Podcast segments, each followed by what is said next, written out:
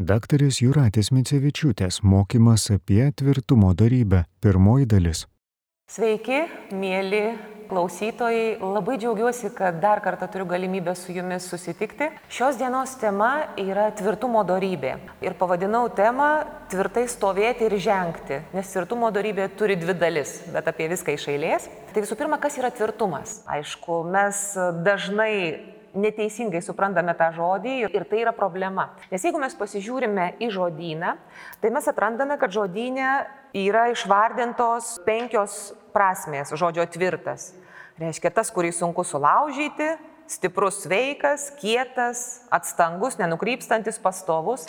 Bet čia visi yra tokie kaip labai daiktiški apibūdinimai ir jie mums iš tiesų labai mažai sako. Iš tiesų, kai mes sakome tvirtumo darybė, šiais laikais dažniausiai galvojame apie vieną labai konkrečią savybę. Mes galvojame apie drąsą. Ir kai manęs paprašė pakalbėti apie darybės, tai iš čia sėdžiu galvoju tvirtumas. Nuo ko pradėti? Vat, ta didžioji problema, apie ką pirmiausiai kalbėti. Užėjau į vonios kambarį.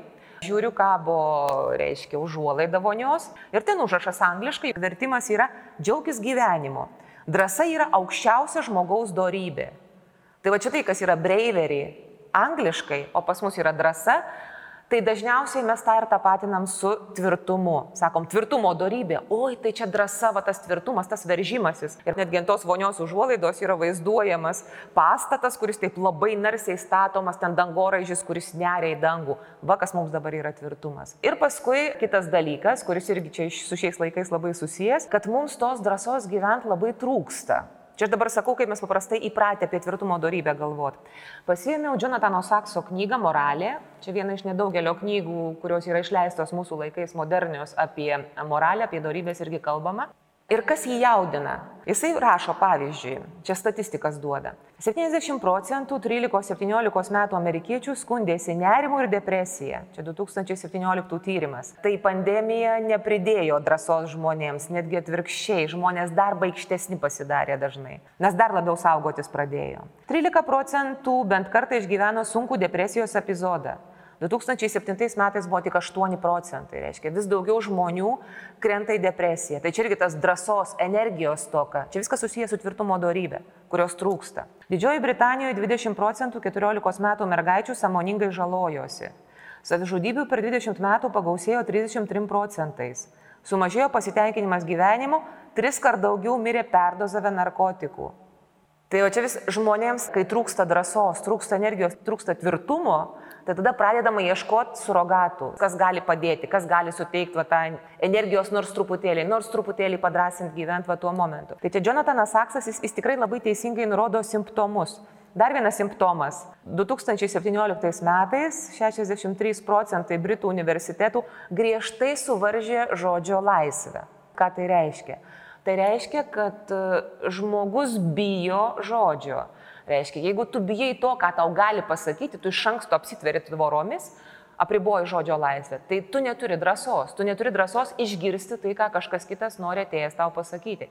63 procentai universitetų, tai čia yra laisvės erdvė, žodžio laisvės erdvė, minties laisvės erdvė, kur turi skristi mintis, vad kaip tas dangoražys, skristi į dangų, tai mums to trūksta. Tai va, nuėjau į vonį ir sakau, va, nuo šitos vonios užuolaidos aš ir pradėsiu. Bet e, kai mes kalbam apie tvirtumo darybę, tai mums tradicija kartais netiek trukdo, kiek padeda. Krikščioniškas tvirtumas.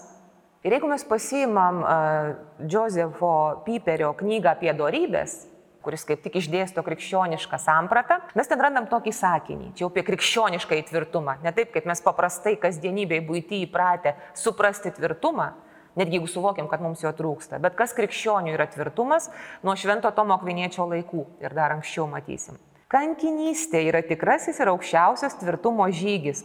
Pasiryžimas kankinystėje viso krikščioniško tvirtumo esmės šerdis. Tai vad perskaitom tokį dalyką apie kankinystę ir aišku praeina bet koks noras siekti tvirtumo darybės. Tai dabar bandysim aiškintis, kokiu būdu va tavo nios užuolaida šventas Tomas Akvinėtis iš tiesų yra sąlyčio taškas, bet jo truputį reikia paieškoti. Tai dabar čia yra 11 amžiaus iliustracija iš 11 amžiaus rankraščio, kur yra vaizduojama sena iš apreiškimo knygos, Dabar vas paskaitysiu citatą iš apreiškimo knygos. Aš duosiu galę savo dviems liudytojams ir jie maišais apsivilkė pranašaus 1260 dienų.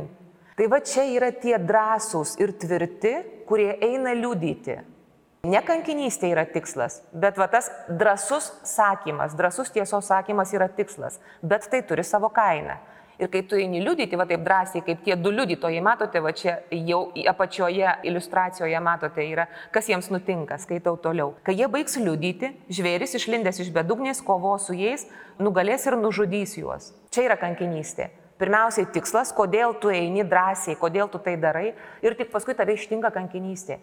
Jeigu tu eini tą daryti, jeigu tu eini liudyti, turi būti tvirtas ir drasus, pasiruošęs nes tai gali nutikti, gali būti tokia pabaiga. Dar skaitau iš prieškimo knygos. Šėtonas bus išleistas iš savo kalėjimo ir išeis suvedžioti tautų gyvenančių keturiuose žemės kampuose - Gogo ir Magogo - ir surinkti jų kovai. Jų skaičius kaip pajūrio smiltys. Jie žygiavo per visą žemės platumą ir apsupo šventųjų stovyklą ir mylimą į miestą. Iliustracijoje dar yra pavaizduotas miestas ir ten tokie žmogiukai pasislėpė. Čia yra teisėjai prisiglaudę tvirtovėje. Tu arba eini ir liudyji ir tave ištinka va, tų liudytojų likimas, arba esi tvirtovėje pasislėpęs. Čia yra du tvirtumo aspektai - gynyba ir išėjimas, užvaldymas. Drasa. Drąsos tvirtumo reikia abiems. Tai čia du tokie būdai. Dabar toliau. Krikščioniškas tvirtumas, čia mato Trubenso paveikslą. Čia yra scena, kai e, iš Danielio knygos, kur e, Susana, reiškia, eina maudytis ir ten ją užpuola du tokie seniai, kurie nori jie pasinaudoti. Ir tada vat jie yra ta tokia dilema, ką jinai dabar darys. Ar jinai sutiks, reiškia, jiems paklusti, nusidės Dievui, ar kaip tik pradės šaukti ir tada jinai žino, kad seniai ją apkaltins, kad jinai patirs kankinystę praktiškai, o tas apsisprendimo momentas. Ir va čia Biblijoje, tada čia iš Danielio knygos, matote nurodytą citatą, Susana sunkiai atsiduso, patekau į pastus, nes jei tai darysiu, ką jie nori. Man bus mirtis, jei to nedarysiu, neištrūksiu, nes būsiu nuteista ir mane užmėtys akmenimis. Tai čia yra tas kankinystės pasirinkimas. Dabar kaip tik apie tai Piperis ir kalbėjo, kai kalbėjo apie tvirtumą ir kad jo esmė yra kankinystė. Dar čia iš Piperio dabar cituoju. Žmogus turi būti pasirengęs verčiau gyvybę paukoti, negu išsižadėti Kristaus ar sunkiai nusidėti. Tai čia Susanos atveju buvo pasirinkimas, ką daryti - paukoti gyvybę ar sunkiai nusidėti. Durinai pasiryžo aukoti gyvybę. Čia yra tvirtumas. Ir kas dabar yra įdomu, yra vaizduojama trijų jaunuolių kankinystė. Čia irgi yra iš Danielio knygos kai jie irgi pasirinko verčiau paukoti gyvybę, bet nenusidėti. Ir toliau dar matote trys Vilniaus kankiniai. Mes čia kaip tik tai filmuojame šalia Šventojios dvasios cerkvės Vilniuje, kur yra šitų trijų Vilniaus kankinių palaikai gerbiami ortodoksų bažnyčioje. Ir jie turėjo lygiai tą patį pasirinkimą, kaip ir Danielio laikais, va šitie trys jaunuoliai, kurie verčiau pasirinko nepaklusti karaliui ir būti sudeginti krosnyje, bet nesulaužyti Dievo įsakymo. Tai yra kankinystės esmė. Bet kas yra svarbu? Svarbu neapsigauti. Nes tada tokia mintis ateina į galvą, ai, tai čia jeigu kankinystė taip gerai, tai čia aš dabar vat, pats nueinu, arba ten pati nueinu, kažką tai tokio padarau, kad mane nukankintų ir aš jau tiesiai į dangų, čia jau viskas, visi man angelai ploja, lyros ten roja, kanklės, dangaus chorai mane pasitinka. Tai nėra tikrasis krikščioniškasis tvirtumas. Ir čia vėlgi labai įdomu, čia iš Piperio pasiskaitysit, yra nurodytos citatos skaidrėse, aš jums truputį čia pacituosiu. Apie tauškalių žavėjimąsi kankinystę pasakytina štai kas. Paklauskime kankinių bažnyčios, ką jie apie tai mano ir pamatysime Švento Polikarpo kankinystėje, viename seniausių raštų už persekiojimų laikų, tai čia yra antro amžiaus vidurys, kurį Dievo bažnyčia Smirnoje pasiuntė visoms šventos ir visuotinės bažnyčios bendruomenėms. Randame trumputį skirsnį. Tačiau vieną frigą, vardu Kvintas, pamačius laukinius žvėris, apėmė baimė. Būtent jis pats atvyko į teismą, pats atvyko į teismą ir liepė keletui kitų taip pasielgti. Pats save įdavė, jis ieškojo kankinystės šitas kvintas. Įkalbinėjimais prokonsulas jį palenkė prisiekti ir aukoti. Reiškia, atėjo pats toks labai karštas, entuziastingas, aš čia krikščionis, meskite mane žvėrims, pamatė liūtą, išsigando, nubėgo paukojo dievams. Ir tada va toliau eina pamokymas. Todėl, broliai, negirkime tų, kurie save pačius įduoda, nei Evangelija to nemoko. O bažnyčios tėvas Šventas Kiprijonas 258 metais nukirzdintas prokonsului Paternui pasakė, mūsų mokymas draudžia žmogui pačiam save įduoti. Reiškia, panašu, kad ankstyvosios bažnyčios tėvai mane, jog Dievas dažniausiai neduos jėgų ištverti tiems, kurie pasitikėdami savo pačių ryštų, čia irgi labai svarbu, savo pačių ryštų tyčia veržėsi paliūdyti krauju. Ir toliau čia jau kaip reiškia išvada, teisus tik tas, kuris leisdamas save sužeisti, siekia apsaugoti ir įgyti gilesnį, svarbesnį sveikumą. Labai svarbi tikslų hierarchija. Pagal tai, ką iki šiol aptarėm, tai tvirtumas nėra todėl, kad tikslo nesimato. Jeigu krikščionis rizikuoja, tikslas turi būti didesnis negu jo gyvybė. Krikščionio gyvybė yra didžiulė dovana. Jeigu mes ją rizikuojam, tai tikslas turi būti geresnis. Bet šiaip tai gerai, kad vat, paaiškinimas yra teisingas paskui pridėtas. Gyvenimu rizikuojame dėl to, kad mylime gyvenimą. Viešpats kviečia mūsų dėkingumu prisiminti savo tikėjimo istoriją ir įsisamoninti, kad kažkurio momentu visą, ką gavome, turėsime panaudoti kokiai nors misijai. Tai jeigu dabar grįžtame, kur yra keturios nuotraukos, ten vienoj mes matom, kad žuvytė iš mažos stiklinės šoka į didelį akvariumą. Nu, tai tikslas yra aiškus - pagerinti gyvenimą. Nu čia mes jau artėjam, artėjam, kur daugiau gyvenimo jinai šoka. Čia mes jau artėjam prie krikščioniško tvirtumo. Tada pačioj, va čia irgi apie liūtus kalbėjom kankinystę, mes matome merginą, kuri išeina ir žvalgosi, ar čia saugu išeiti ar nesaugu. Čia irgi yra tvirtumas, nes tvirtumas yra protinga darybė. Neprotingas rizikavimas nėra teisingas. Ir dabar einame toliau, krikščioniškasis tvirtumas. Tie trys pavyzdžiai, matome vėl Susaną su seniais, tas pats paveikslas Rubenson. Ir mes matom dar du pavyzdžius - Šventa Julijona ir Šventas Barnabas. Tai dabar mes apie tų šventuosius mažai kažkaip žinom, esam pamiršę. Viduramžiais jie buvo labai populiarūs, nes čia yra du iš tų šventųjų, kurie atpažino velnę ir jo gundymą paskui dar mes apie tai kalbėsim, ir jį supančiojo. Šventoji Julijona, matot, yra pamynusi velnė. Šventas Barnabas jį ten taip nešasi, nu aš taip juokauju, kaip rankinuką nešasi ant tų grandinių pakabinės, bet velnės yra supančiotas. Dabar kuo pasižymėjo Šventoji Julijona ir Šventas Barnabas? Šventoji Julijona buvo krikščionė, kuri pasikrikštijo slapta, jos tėvas paskui ją vertė tekėti už pagonių valdininko, tuo metu reiškia. Roma dar valdė, vyko persekiojimai 304 metai, Turkijos dabartinės teritorija, Bitinijoje. Ir Julijona atsisakė ir tada ją įmetė į kalėjimą ir pasmerkė mirti. Tas jos jaunikis jau supykęs, kad jinai čia atsisako. Ir tada pasirodo velnės ir sako, Julijona, tu labai kvailai elgiesi. Tu va dabar ištekėk už to, reiškia, pagonio, taigi tu jį atversi į krikščionybę, tada visą miestą čia atversi į krikščionybę. Sako, taigi čia toks protingas žingsnis. Bet ką tai reiškia? Julijona suprato, jinai, jinai davus įžadą. Jinai turi sulaužyti pažadą Dievui dėl kažkokios neiškios ateities ar tas pagonis atsivers, neatsivers, bet jinai jau sulaužo įžadą. Ir jinai atsisakė ir buvo nukankinta atpažino demono gundimą. Dabar šventas Barnabas, labai įdomus šventasis, čia yra tasai žmogus, kuris šventą Paulių įvesdino į krikščionių bendruomenę. Nes jeigu prisimenat, šventas Paulius, taigi jis buvo Saulis, jis persekiojo krikščionis. Ir staiga jisai ateina pas krikščionis ir sako, žinokit, Jėzų pamačiau, jis čia mane numetė nuo, nuo žirgo ten ar nuo mulo, aš atsiverčiau, aš viską supratau, dabar aš jau krikščionis, aš jau liudysiu, o jie taip kreivai žiūri, sako, tu mus ką tik persekiojai. Ir niekas juo nepasitikė. Vienas iš jų buvo drasus ir tai buvo Šventas Barnabas. Jis įvesdino Paulių į krikščionių bendruomenę. Tai va, Barnabas yra tasai šventasis. Čia tiesiog noriu atkreipti jūsų dėmesį į tokius tvirtumo pavyzdžius. Tai dabar skubam toliau, kad aš čia per daug neužsikalbėčiau.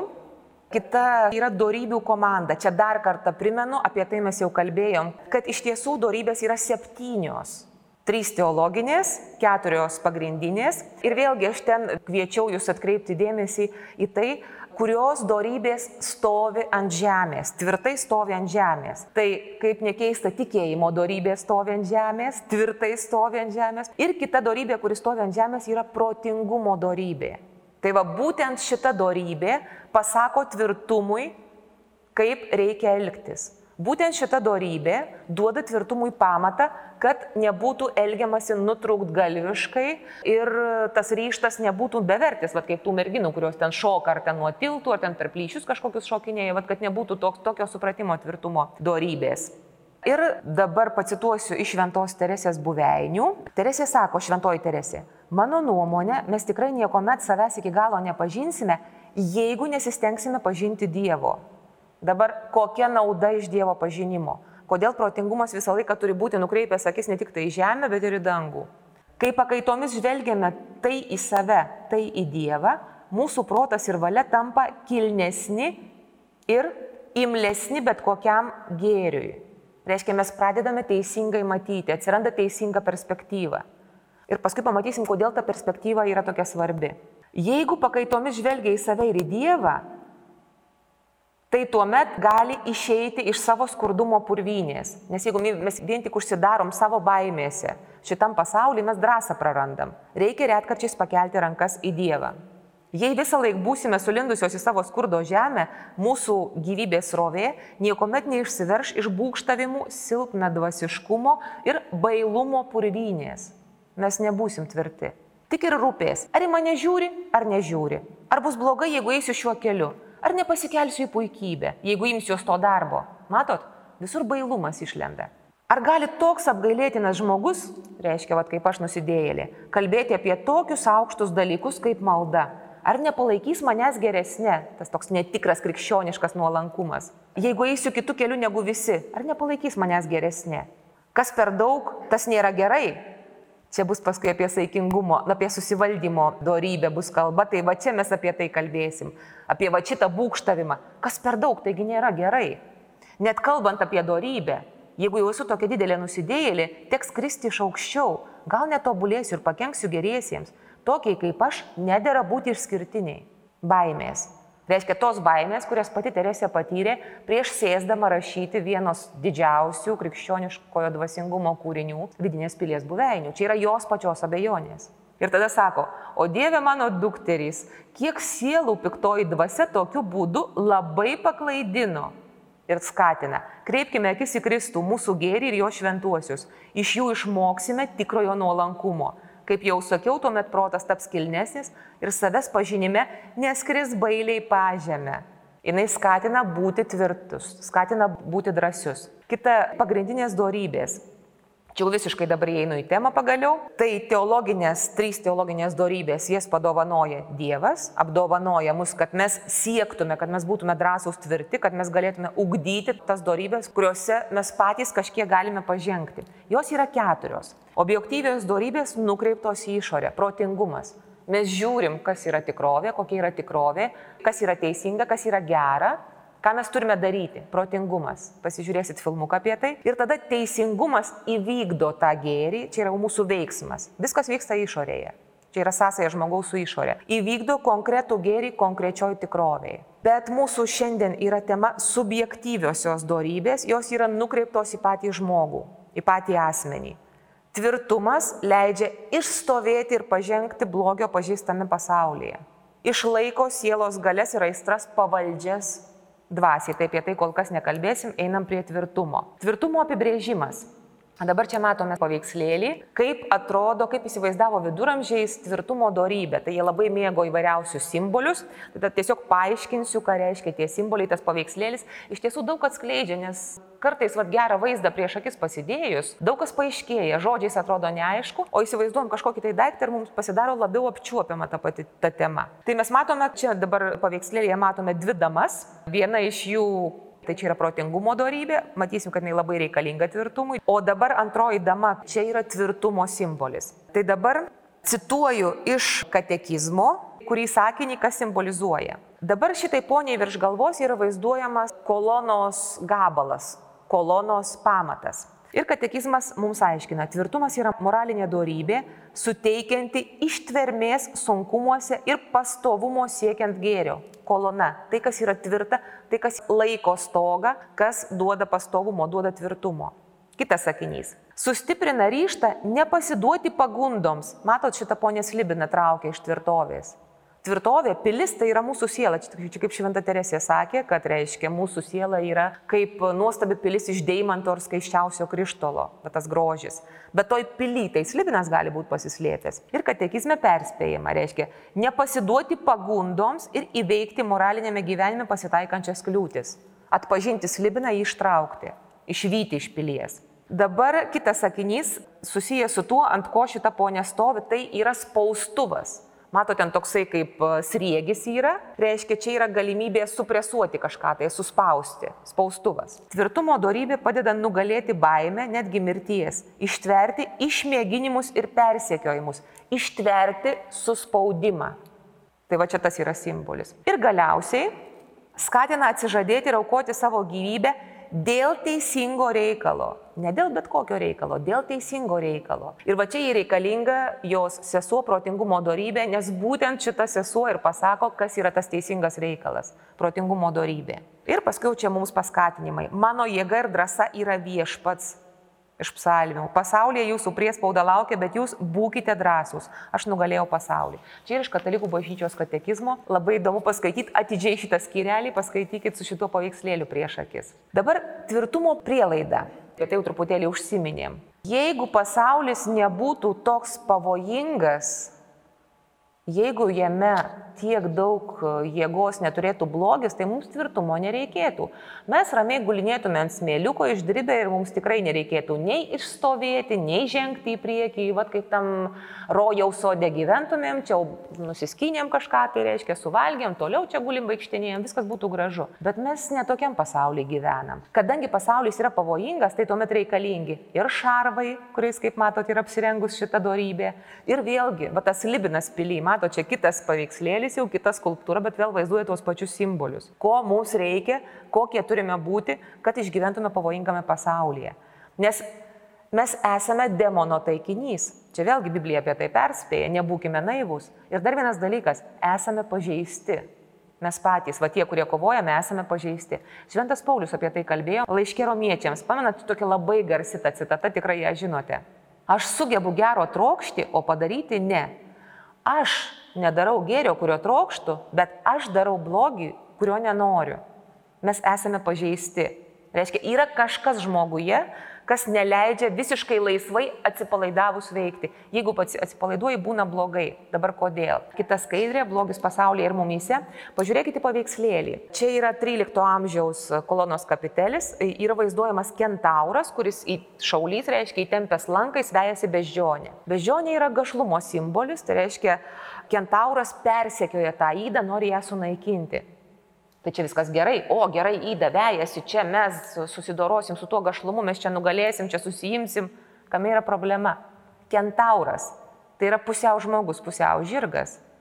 Reiškia, mes savo viduje esame padalinti. Tas, kuris nori nugalėti, tas, kuris vejasi, jis pats yra padalintas. Jis pats yra pusiau bežionė, pusiau žirgas, pusiau gyvūnas. Tas pažeistumas yra viduje.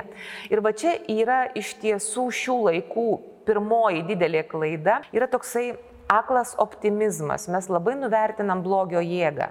Ir čia tada vat, ateina šventasis raštas ir mūsų perspėja, ateina bažnyčios tradicija ir mūsų perspėja. O mes ten sakom, ai čia mus gazdina, čia kalties kompleksą mumyse ugdo, paskui ten psichoterapeutai ten uždirba pinigus iš to. Čia mus gazdina, ne, ne, ne, čia mes, mes čia ne taip. Ir mes, kaip sako Peteris Kryptas, toks labai smagus teologas, labai smagiai rašantis, sako, mes deramės su blogiu. Mes laikome, kad tai yra protingas pašnekovas. Mes va tik nueisim pas Putiną, jam niekas nepasako, jam niekas nepaaiškina. Jo vaikystė buvo sunki, jo neišauklėjo. Ir jis dabar va turi ten tą tokį, nu, va, ant proto, va, kaip uždėtas kažkoks tai šydas, jį tik paprotint, reikia jis viską supras. Arba reikia išauklėti ir tada jisai supras viską. Bet taip nėra. Aš dabar nepamenu apie protingumą, kai kalbėjau ar ne, toks irgi įdomus dalykas, čia toks lyrinis nukreipimas. Pavyzdžiui, kai, nu prisiminkim, Hitlerio laikus, koncentracijos stovyklos, kaip Jūs manot, kas noriau kankino žmonės, nu, noriau kankino ir žudė žmonės? Tie, kurie buvo pradinės nebaigę, ar tie, kurie buvo universitetus išėję, vat, kuriems buvo atvertos akys, viskas parodyta. Tai va, tai tie, kurie pasakėt, kad tie, kurie pradinės nebaigė, ties tuo greitai jūs apsirikot tie, kurie buvo baigę universitetus, tie buvo žiauriausi kankintojai. Čia irgi taip labai keista, atrodo žmogui atveria akis, bet jeigu dar kažko papildomai neduodi, tai čia prieiškimas, tradicija, vad ką mes turim, tai tuomet nieko, nieko gero nebus. Tai čia dabar Žano Žako Ruso yra klaida, kad mes manome, kad žmogus iš prigimties yra geras. Reiškia, gimsta vaikas geras, paskui ten sugadina kažkas tai. Nebūtų sugadinę, būtų laikų paprotiniais, būtų geras užaugęs. Nu, ne visai taip. Yra žmoguje va tas kentauras, mes visi esam truputėlį kentaurai. Ir čia mums yra perspėjimas, tas sužeistumas. Ir čia vėlgi atsiverčiam piperį ir skaitom 133 puslapį. Žmogus gali būti tvirtas todėl, kad iš esmės yra sužeidžiamas. Jeigu mūsų nebūtų įmanoma sužeisti, jeigu mes būtume nepažeidžiami, mums nereikėtų tvirtumo, mums nereikėtų šarvų. Eitumėm savo per pasaulį ir ramiai nereikėtų jokių kaliošų apsiaut. Tas purvas prie mūsų tiesiog neliptų, bet jisai limpa. Girdėjote daktarės Jūratės Micevičiūtės mokymą apie tvirtumo darybę, pirmąją dalį.